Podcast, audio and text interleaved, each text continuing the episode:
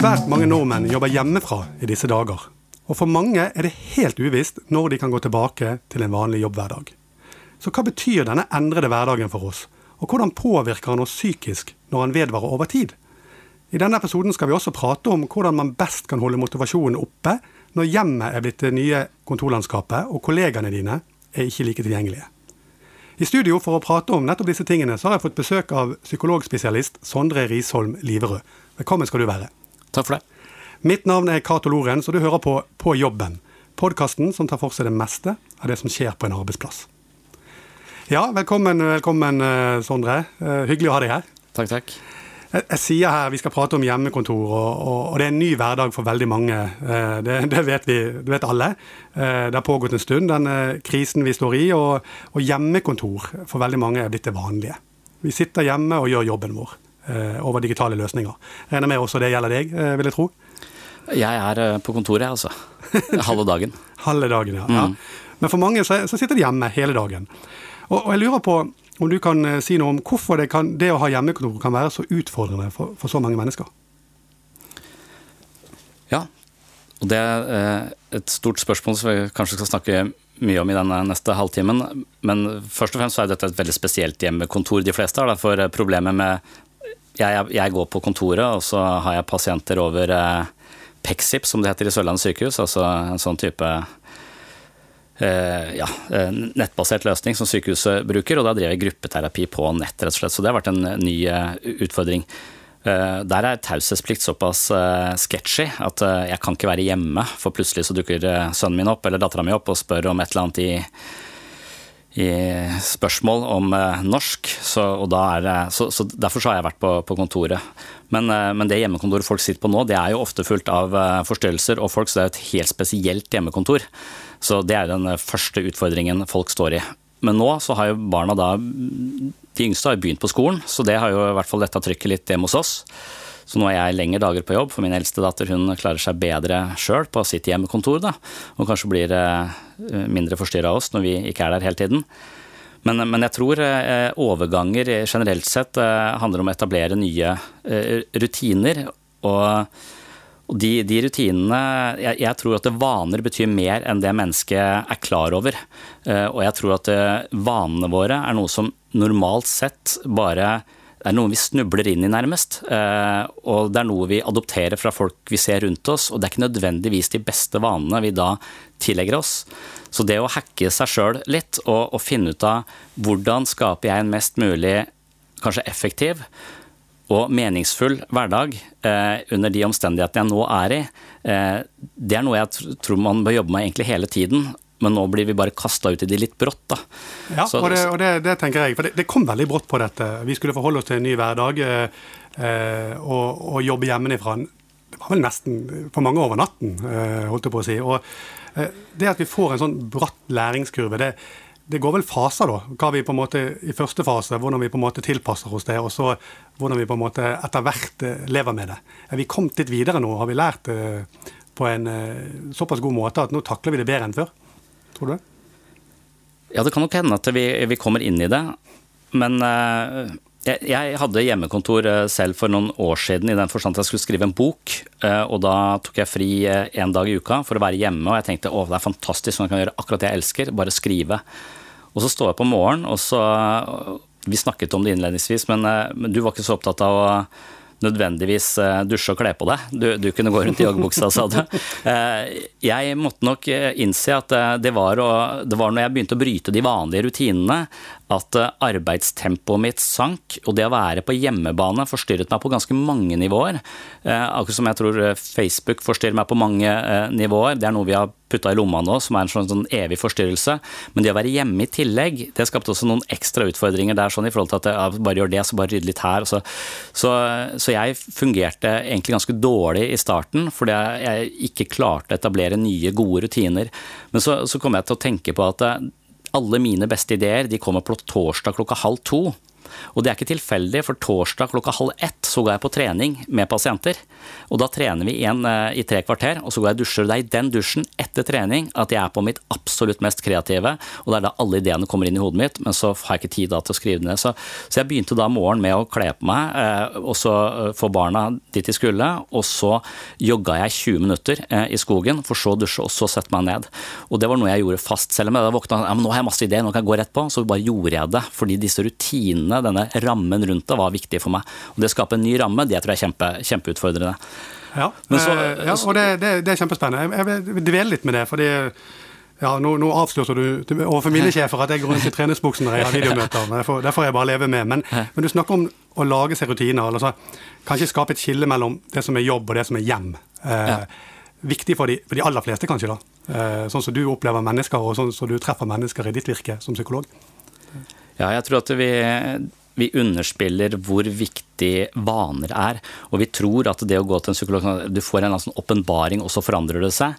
Men det er egentlig altså, livskvaliteten vår er summen av alle våre gode vaner. Eh, og da vil det å pusse tenner hver dag være en vesentlig del av det. Og det der er ganske sånn eh, det er, det er, jeg vet ikke om jeg klarer å formidle det på en sånn måte at det, at det går inn For det er nettopp det mine mange av mine pasienter sliter med. Og det som er eh, paradokset her, at uvaner er så lett å opparbeide seg. For uvaner har, karakteristiske, har de karakteristiske trekkene ved at de, de ofte gir deg en umiddelbar behovstilfredsstillelse, og så får du problemer på lang sikt. Så det å ta en røyk med kollegaen bak hjørnet, selv om det ikke er lov uh, i sykehuset Jeg røyker ikke, men jeg ser folk gjør det, står og skjuler seg. Og det, og det er jo bedre å røyke i smug enn det er å røyke Så, så det å gå ut der liksom, Du får en umiddelbar det, det, er sosialt, det er hyggelig, og, det, og du får no, en umiddelbar gevinst, men så får du lungekreft på lang sikt. Uh, mens gode vaner de fungerer motsatt. De gir deg ofte eller annet, en eller annen smerte eller en eller annen Eh, du utsetter et behov eh, for å vinne et eller annet på lang sikt.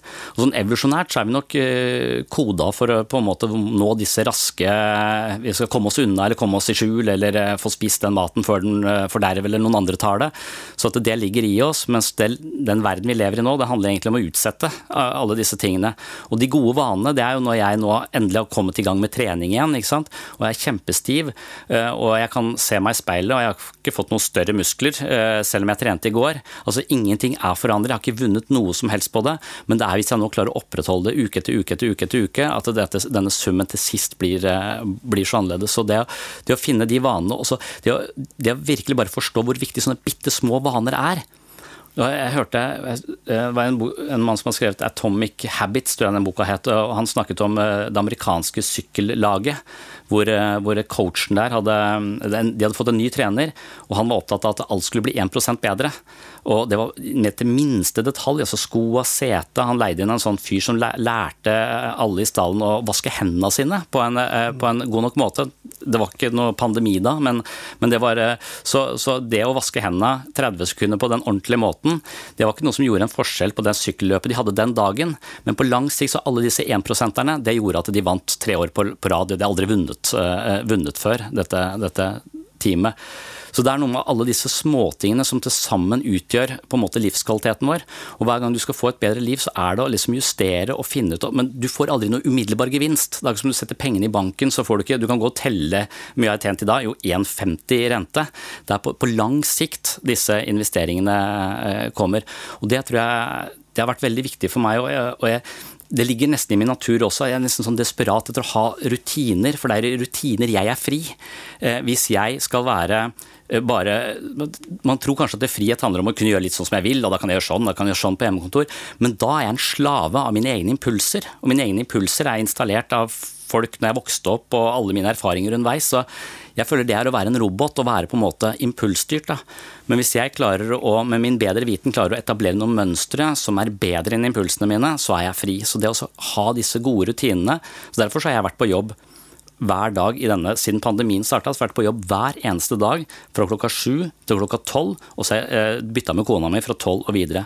Og det har jeg gjort eh, i påsken, første andre påskedag. Jeg har vært på søndager. Jeg har gjort det hver eneste dag fordi at det ga meg en slags rytme i en ny eh, situasjon hvor rytmen var borte. Jeg skjønner. Det, det, det jeg må si det var et langt svar, men det var et utrolig godt svar. Eh, jeg hang meg opp i det du sier med i rutiner. Rutiner gjør meg fri. Eh, mm. Litt fordi at jeg føler jeg kjenner meg igjen. Eh, men mye av det som gjelder folk, da, er nettopp fordi at vi var vant med de rutinene vi hadde. Vi, vi, vi hadde rutiner. Vi gikk på jobb, vi traff kollegaer, vi gikk, spiste lunsj på det og det klokkeslettet. Eh, og så kom den her eh, veldig brått på, eh, og vi måtte skape nye rutiner. Er det det vi nå har gjort en periode? da, Skapt disse nye rutinene, og, og med at vi faktisk mestrer og lykkes eh, med å skape nye rutiner, så, eh, så, har vi det egentlig bedre med hjemmekontor enn det vi hadde når det, det traff først. Ja, jeg syns han eh, Matt Møllenvegg, som var som i sin tid var med å stifte Wordpress, som er dette enorme uh, nettplattformen som 36% av alt som er på nett, bruker. Uh, han, uh, han, har jo vært et firma med 11 000 ansatte, og ingen har hatt noe kontor, men de har altså jobba Han snakker om fem nivåer av hjemmekontor, hvor det er det sånn, veldig sånn premature nivåer av hjemmekontor, og så etter hvert så kan det utvikles til å bli en utrolig fin måte å jobbe på. Der er det masse forskjellige elementer på hvert nivå. Da. Men det første nivået er jo det nivået hvor du bare Eh, plutselig må være hjemme, og så, og så, gjør du det du kan, sånn ad hoc. Du tar noen telefoner, du holder hjula i gang, men du er liksom i påvente av å komme tilbake på kontoret. Eh, og det kan nok hende at folk eh, setter seg litt fast der, sånn at de ser på denne situasjonen som en slags venteværelse, hvor de bare skal holde ut til de kan komme tilbake i, i vanlig, i vanlig gjenge. Og Det kan hende at vi kommer tilbake i vanlig gjenge, men det kan jo også hende at hvis vi våger å utvikle, disse, utvikle, oss litt oppover i disse nivåene. At vi kan faktisk bruke en del av fordelene ved hjemmekontor. For jeg mener det er mange fordeler, jeg mener det er veldig mange, mange utfordringer. Så det kan godt være at vi, vi tilpasser oss, at vi får noen, eh, får noen nye, nye, måter å jobbe på. Eh, du snakker om det er en del utfordringer. La, la oss dvele litt med de da. La oss henge, prate litt om de. Hva, kan, hva, hva er de største utfordringene? Eh, for mennesker med å ha hjemmekontor over tid. Hvordan kan det på en måte utfordre oss negativt? Um, man snakker mye om sosial isolasjon, ensomhet. Er dette ting vi rett og slett bør være obs på og frykte litt? Kan bli en konsekvens?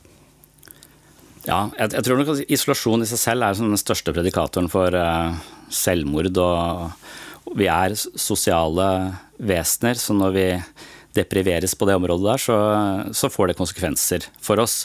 Så Det er en grunn til at alle bussjåfører hilser på hverandre. Det er den lille bekreftelsen 'jeg så deg, du så meg', vi er litt like, vi kjenner hverandre. Og det gjør noe. Altså, på lista over de tingene som gjør mennesker lykkelige, eh, så er gode relasjoner på toppen. Men litt på sånn tredjeplass så kommer en ting jeg er ganske dårlig på, det er småprating. Så det er sånn der, si hei og hå, og ja, åssen går det bare med dama på butikken, eller, eh, eller en eller annen tilfeldig forbipasserende, eller kanskje kollegaer på nabokontoret, eller eh, eller de som merkantil, eller ikke sant. Du, du har sånne små passiarer. Og når du gjør de, så føler jeg meg ofte litt bedre, litt gladere etterpå. Selv om jeg har en slags motstand, eller kanskje jeg føler at jeg er dårlig på smalltalk, så jeg er litt redd for å gjøre det. Så jeg, jeg vegrer meg for å gå inn i de. Og så ser jeg plutselig forskning viser at det ligger på tredjeplass på det å ha et godt liv, så jeg skjønner at det er, det er viktig. Så jeg tror disse små, uh, små, elementene er veldig viktige for mennesker. Så jeg tror ikke vi, vi kan trives uh, i isolasjon over veldig, over veldig, lang tid. Men så, så, kan vi også få et substitutt av å møtes på, på sånn digitale, digitale måter. og det, det kan hjelpe hjelpe, eh, litt. Så Utfordringene er helt klart på sånn psykologisk nivå, men så tror jeg også utfordringen ligger hos ledelsen eh, til en viss grad i mange bedrifter. Og, ja, ja, og, det, og det, det, det, her er, det er bra du kommer inn på, for det har jeg lyst til å spørre deg om. Eh, den situasjonen vi er i med at vi ja, du snakker om at kanskje tekniske løsninger, videomøter, kan være en substitutt for relasjonene som ligger for øverst på den listen du snakker om, og også den småpraten som er så viktig, som vi mister når ikke vi er på kontoret. Men det å ha møter på video, det å på en måte skape en god setting med å, jobbe med arbeidsmiljøet på video, er ganske utfordrende. Det stiller jo arbeidsgiverne helt andre krav til dem i forhold til på en måte å angripe den biten. Skape, Holde et godt arbeidsmiljø når det vedvarer over tid. Ja. Har du noe råd til de? Er det hvordan skape menneskelige videomøter, menneskelige digitale plattformer? Er de gode nok, de vi har? Det Vanskelig spørsmål. Ja. Det, det, det, er utfordrende, for det, noen mener at opp mot 90 av alt vi kommuniserer er nonverbalt. Så, så, dette er jo en, en, tematikk som blir i hvert fall veldig sentral i min hverdag som gruppepsykoterapeut. Så nå møter jeg pasientene mine i en sånn liten firkant, jeg ser de. Så vi går glipp av veldig mye, men likevel så har vi klart å Først var det bare sånn 'hvordan har du det', 'jeg har det bra', også litt sånn, mer sånn psykoedukativt. Vi kan snakke om eh, rutiner, meningen med livet. Altså, sånn, vi kan snakke på sånt eh, intellektuelt plan. Men etter hvert så begynte gruppa å fungere mer og mer sånn mellommenneskelig. Og for meg personlig så, så, er det dette med at jeg ikke har folk foran meg i, i, rommet, det gjør meg til en mer sensitiv person. Så jeg blir en litt bedre variant av meg selv fordi at jeg er litt for brå eh, med, med mennesker direkte. For når jeg ser det og har kontroll på dem, så, så, så er jeg det å ha med mennesker å gjøre handler jo om å kunne være åpen og ærlig og utfordrende, men også omsorgsfull, eh, respektfull og, støttende. Så en terapeut er alltid det bevegelsesrommet der, sånn, og det er egentlig alle, alle, mennesker. da. Så jeg blir en vennligere variant når jeg er på, på, nett. Jeg tror i skriftlig form så er det litt lett å ryke uklar. Så da tror jeg faktisk emojier og, og sånne ting faktisk har en, har en, verdi. da. Jeg tror man skal også alltid tenke på at den avsenderen i 99% av tilfellene så vil den kommunikasjonen være godt ment, eh, men så er det veldig lett å, å feiltolke det. Så det er veldig mange ting som kan oppstå i disse mediene som vi bør være ekstra eh, påpasselige på. Og det at du ikke ser eh, mennesker, altså du kan se bare på hvor raskt en person går, hvordan vedkommende har det. Eh, og du merker at da går du langsommere. Ditt tempo, selv om det er sånn helt subtilt, så får du en følelse på, på, det. Så du får ikke den der tette oppfølgingen eh, der sånn. Men så er det en annen type oppfølging. Da. Altså, jeg er opptatt av tillit. Altså, og jeg mener jo at eh, veldig mye av offentlig sektor er full av mistillit. Noe det ikke er grunn til.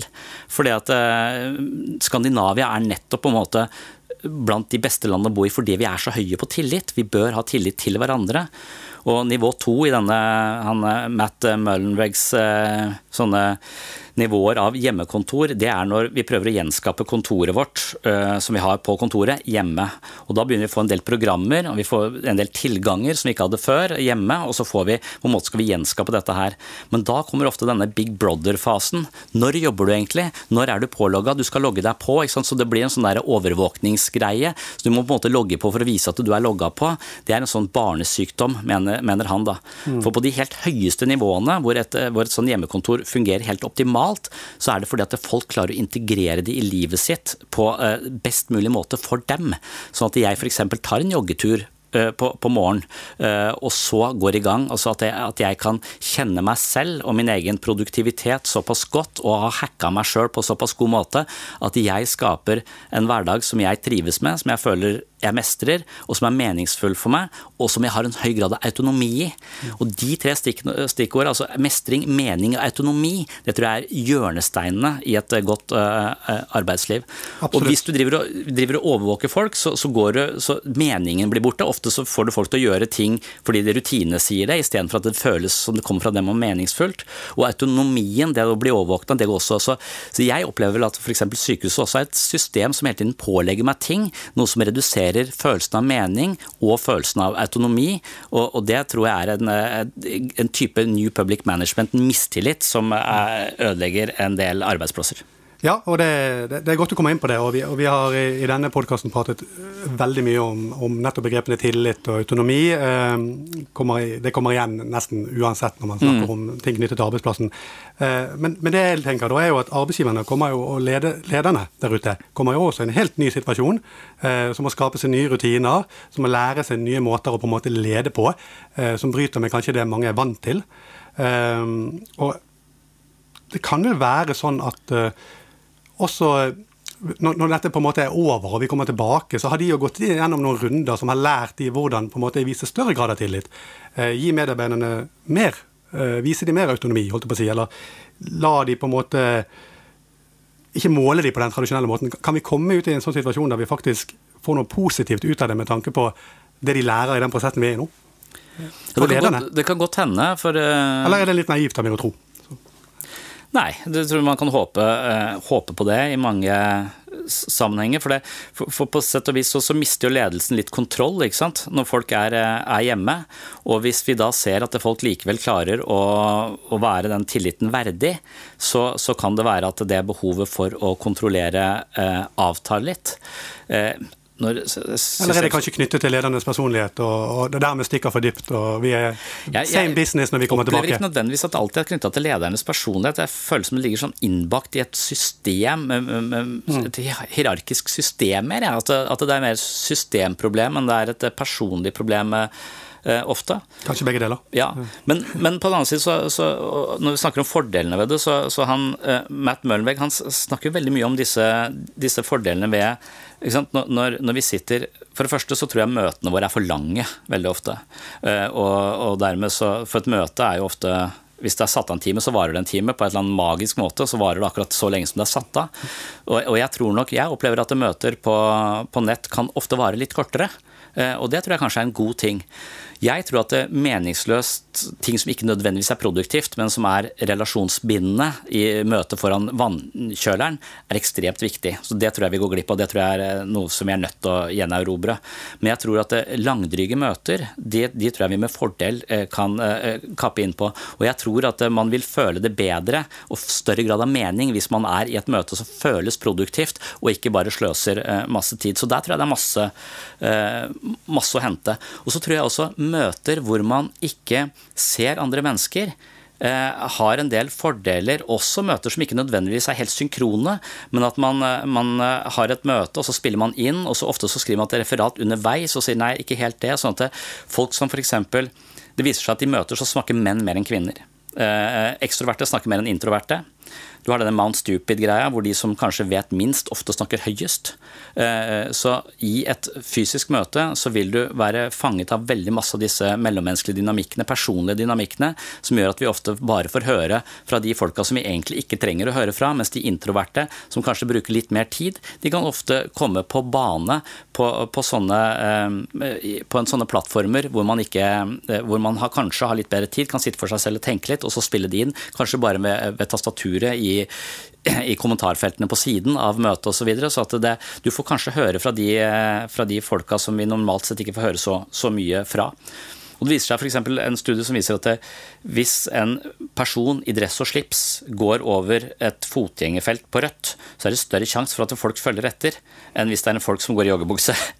Eh, eh, så, så, bare det, altså at, eh, at, vi ikke ser hvordan folk For her, vi leser så mye inn i folk, bare, hvordan de ser ut, hva de har på seg osv. Når vi tar vekk de, så kan det være at vi kommer mer til saken og at vi får, eh, vi får eh, jobba mer direkte med saken, og ikke alle disse mellommenneskelige biasene eller fordommene eh, forhindrer så mye. Så det er nok en del fordeler i en del møter, vil jeg tro. Ja, og det, det, det, det må vi ta med oss. Og så tenker jeg hoppe litt tilbake til, til de, de, de, mer sånn negative konsekvensene og utfordringene. for det, Vi må bruke litt tid på å snakke om det. Vi snakker om det, Du sa litt om det å være hva det betyr å være isolert sosialt, med tanke på hva som faktisk vi mennesker føler lykke ved. Mm. Relasjoner, småprat. Eh, eh, men en ting du er litt opptatt av, det er jo også ensomhet. Og jeg leste, det var vel en artikkel, eh, litt usikker på hva kilder de brukte, men, men jeg har sett flere steder at noen undersøkelser viser at ja, opp mot 50 kjenner på ensomhet ved bruk av hjemmekontor. Og jeg tenker når det vedvarer over tid, så er jo kanskje det større sjanse for at vi kommer innom den type følelse. Og det er vel kanskje ikke en, en god følelse å, å, bade i og være i. Er det det? Du eh, kjenner godt til det. Så. Ja. Nei, det, er, det, er, så mange måter å, å, være ensom på, så dette er den, det som vi tenker på som en sånn fravær av, eh, av, andre, av, andre, mennesker. Så jeg tror nok det er en sånn veldig eh, sentral del av eh, altså, motivasjonen vår for å gjøre noe altså, Det handler om mestring, handler om mening, alle de tingene, men det handler også om følelse av tilhørighet i en flokk og flokken min. Så, så ofte så gjør vi en ekstra innsats ikke fordi at eh, vi får en bonus, men fordi at vi bidrar til flokken vår. Og at det er det. Så, så folk er nok mer opptatt av at det er meningsfullt, og mening skapes i fellesskap. Altså det å det, det å kle på seg på morgenen hvis det ikke er noe vits i å kle på seg, Eh, det, eller det å lage middag hvis det ikke er noen andre som skal spise, det er bare du. Det er veldig vanskelig å, skape mening i isolasjon. Så jeg tror nok veldig mye av det som eh, En god arbeidsplass, så har folk en følelse av å tilhøre en flokk, og at de bidrar inn i den flokken, er det som er meningsskapende. Og hvis du føler at den, det båndet begynner å svinne litt hen, så tror jeg du lett føler deg utenfor, og da tror jeg lett det kan føle deg litt maktesløs, kanskje ikke gidde. Så det kommer en sånn litt sånn destruktiv spiral der sånn. Så det er nok viktig også å ha disse møtepunktene likevel gi folk en følelse av tilhørighet. Da. Og at de da er, er eventuelt kobla på et sånt videomøte, eller at vi, at vi kan litt raskt være være i dialog. Mm. Ja, og jeg tenker, mm. jeg tenker, det er jo kjempebra. Og, og vi, har, som vi har snakket om, substituttene kan være videomøter eller eventuelt andre digitale plattformer som fungerer. Mm. Eh, men, det, men, det, er en substitutt, eh, og ikke fullverdig original, eh, vil jeg tro. Ikke ennå, i hvert fall. Så hva, hva kan det er en del arbeidstakere, vanlige ansatte, som sitter og hører på denne podkasten. Hva kan de gjøre når de begynner å kjenne på et uh, snev av denne ensomheten, eller at det faktisk preger de litt negativt? da? Uh, fordi det vedvarer. Fordi kanskje videomøtene ikke var gode nok, eller er gode nok akkurat nå. Hva, hva kan de gjøre? Er det, er det, det å skrike ut, snakke med arbeidsgiver? Er det, hva faresignaler bør de være obs på? Nei, jeg tror ofte man vil føle seg ja, sånn tap av mening. Altså at man føler litt mindre energi, litt mindre glød. Uh, og jeg tror ikke det er noe, noe, annet du kan gjøre enn å da uh, ta kontakt. Men da et videomøte, hvis det blir veldig sånn Det er nok der den der vannkjøler-greia er viktig. For at jeg, jeg, jeg, føler meg veldig heldig på jobb. så jeg føler at det er familie nummer to. på en måte. Det er mennesker som står meg ekstremt nær. Jeg liker å vite åssen de har det og osv. Eh, og, og, da også om hvordan det går med barna deres. Eh, ikke bare hva de tenkte om det forrige gruppemøtet i psykoterapi. Så, så den, den, typen uh, småsnakking kan også være viktig. Så, så, jeg tror man kan være hvis, hvis, man da Det er viktig å det hjelper å snakke om det, sier hun. Det er jo fordi at alt som bare blir værende og kverne i ditt eget hode som du ikke kan spare med noen om, det, det blir ofte eh, bremseklosser på, det, på, å komme seg videre. Så det å lufte eh, både frustrasjoner og sånn underveis, og gjøre det på en sånn kort måte, så at, den, eh, så at avstanden Og da kan du ta opp telefonen, du kan gjøre det verbalt over, over telefon, og noen ganger nesten lettere. Og spesielt hvis du, hvis du f.eks. bare på hjemmekontor kommuniserer skriftlig, så tror jeg det er en, tror jeg en vanskelig ting. Jeg tror of, lett oppstår misforståelser. Og jeg tror det da ofte, hvis det oppstår misforståelser, er lurt å ta en telefon øh, og avklare det med, med stemmebruk. Så du hører tonefall, og du hører høflighet, og jeg hører deg, og det var ikke meningen. Det at jeg satte det utropstegnet, betydde ikke at jeg var forbanna, det betydde bare at jeg syntes det var viktig. Øh, så at man, man passer på å holde holde en kontakt.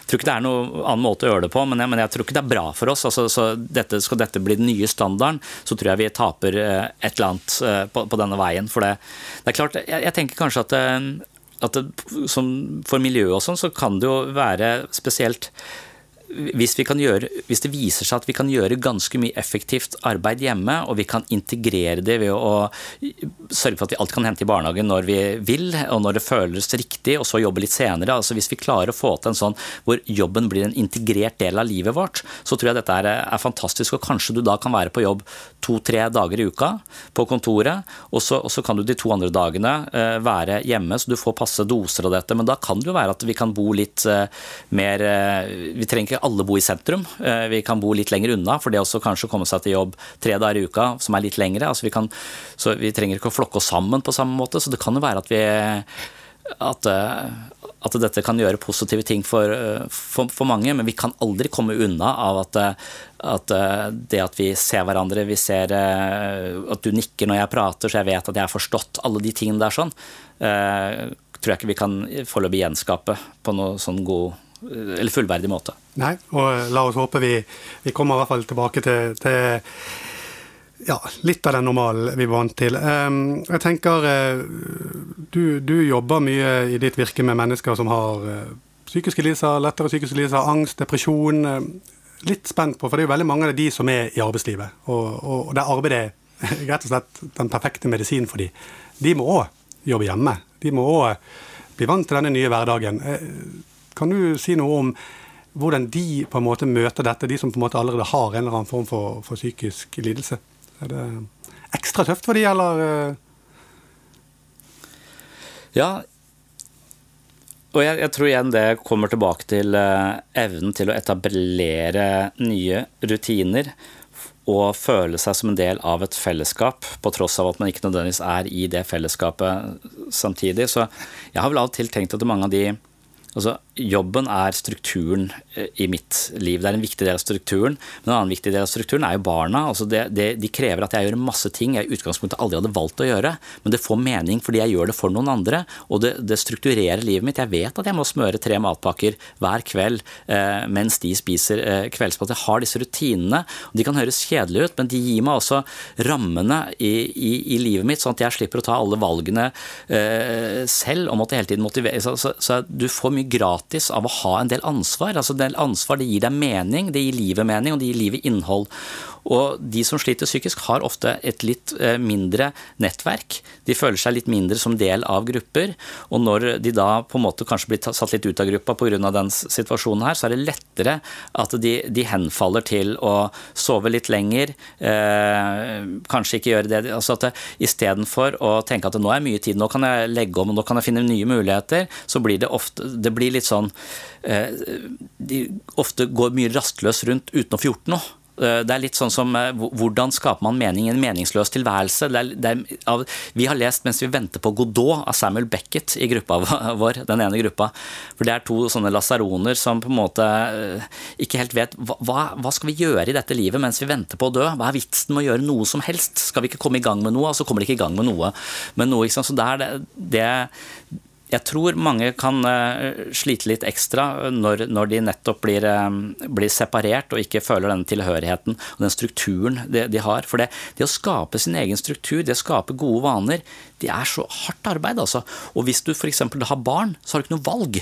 Og jeg tror en del av de, den tvangen inn i en type struktur som, som f.eks. er i mitt liv, det frigjør meg til å føle meg fri. Altså, hadde jeg ikke hatt den strukturen, så hadde jeg vært mer impulsstyrt og, bare slave for mine egne pulser. Jeg hadde vært overvektig og, og, og følt eh, meg miserabel, kanskje. Eh, jeg mener at hjemmekontor kan lett gjøre meg overvektig. Så jeg er glad for å komme tilbake til kontoret nå. Kun ha tre knekkebrød midt på dagen. Eh, og så, trene før jeg kommer hjem fra, hjem fra, jobb. For jeg var på vei inn til, en vektklasse som, som ikke var, var, bra for meg. For det jeg ikke helt klarte å skape Altså, alt var så jækla tilgjengelig hjemme når jeg er hjemme, og, og når du da Ja. Så um, ja, ja. Eh, veldig bra. Jeg begynner å nærme oss slutten nå, men jeg, en ting jeg har vært litt nysgjerrig på, det er jo ofte vi, vi kom dette, dette kom brått på oss. Eh, eh, det var en endring. Vi takler ofte endringer bedre om vi, vi virkelig forstår de.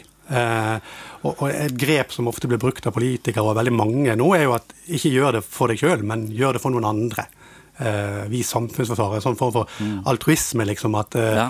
hvor, lenge kan vi leve på den? Og, og eh, Har den en utløpsdato, sånn at vi til slutt blir så lei at vi ikke orker mer av dette? Eller eh, ja. er den så sterk at den motiverer oss i uendelig tid? Ja, Det vet jeg ikke, men er ikke det sånn, nesten sånn Nietzsche-sitatet? At eh, hvis du, hvis du vet hvorfor, så kan du klare et hvilken som helst hvordan. Eh, så det, det, er noe, noe med det. Så, så, jeg tror nok det er lurt av de i hvert fall å appellere til denne, denne, dette fellesskapet. At det du gjør nå, det, det at du ofrer en del for deg sjøl, for et større gode, er meningsfullt. Og jeg tror det er ganske Jeg tror det er eh, meningsfullt. Jeg har hørt på verdibørsen nå at det er forskjellige typer eh, folk. altså det, det, er, det er noen som eh, det er forskjell på de som følger alle reglene, og de som ikke følger reglene. selvfølgelig. De, som gir, eh, også, de, mener de menneskene som er litt sånn konkurranseprega og hele tiden er uh, ute etter å konkurrere, de gir blaffen i uh, føringene myndighetene legger. Mens de som er litt mer sånn spiller på lag og, og, egentlig mer empatiske, de følger, følger da reglene. Så, så, det er en det er en forskjell i mennesketypen, en slags moralsk imperativ her for å gjøre noe for fellesskapet som ikke er umiddelbart synlig. For det, for det, er veldig sånn Hele tiden så står det i den der posisjonen, gjør jeg selv også, altså frihet for meg selv kontra uh, gjøre det riktige ifølge myndighetene. Og det er sånn som Ja, men kan ikke, kan ikke venninna til dattera mi bare overnatte, da? For vi har jo vært sammen, jeg har jo henne som lekevenn, og vi har ikke truffet noen andre. Kan ikke hun bare overnatte? Ja, men vi har jo sagt at vi ikke skal være inne. Jeg skjønner at det er sammen hele, ikke sant? Så det blir vanskelig. Og da får jeg en kjempe, da kan jeg bare si ja, ja, men det går bra. Eller jeg kan følge liksom, Så det er en slags moralsk test, føler jeg eh, også, til en viss grad. Og jeg tenker at det, at, at, det har vært en nyttig ting å snakke med barna mine om òg. Også, også, at de klarer å forstå hvorfor. De kan logisk argumentere for at de skal få lov til å overnatte, men hvis du går opp et makronivå, så vil på en måte minst mulig bevegelse i denne befolkningen, minst mulig treffpunkter, at vi spiser sammen, at vi ikke gjør det, at vi holder oss ute, altså alle disse tingene. Sånt, hvis alle følger det mest mulig, så får vi det best mulig eh, på, på, på lengre sikt. Så, så, jeg har også brukt den der fellesskaps... Denne storgruppa, altså denne tilhørigheten i storgruppa, som blir mye, eh, mye mer presserende nå da, enn har vært, eh, har vært før. Den skaper jo litt kluss i smågruppa mi, men, eh, men hvis vi vet hvorfor, så er det lettere å akseptere, akseptere det. Ja, hvis du vet hvorfor, lettere å akseptere. Det, det får bli siste ord i denne episoden. Tusen takk, Sondre Liverød, for at du var med oss i dag. Eh, mitt navn er Cato Lorentz, og på jobben er jeg tilbake om eh, veldig kort tid. Vi høres.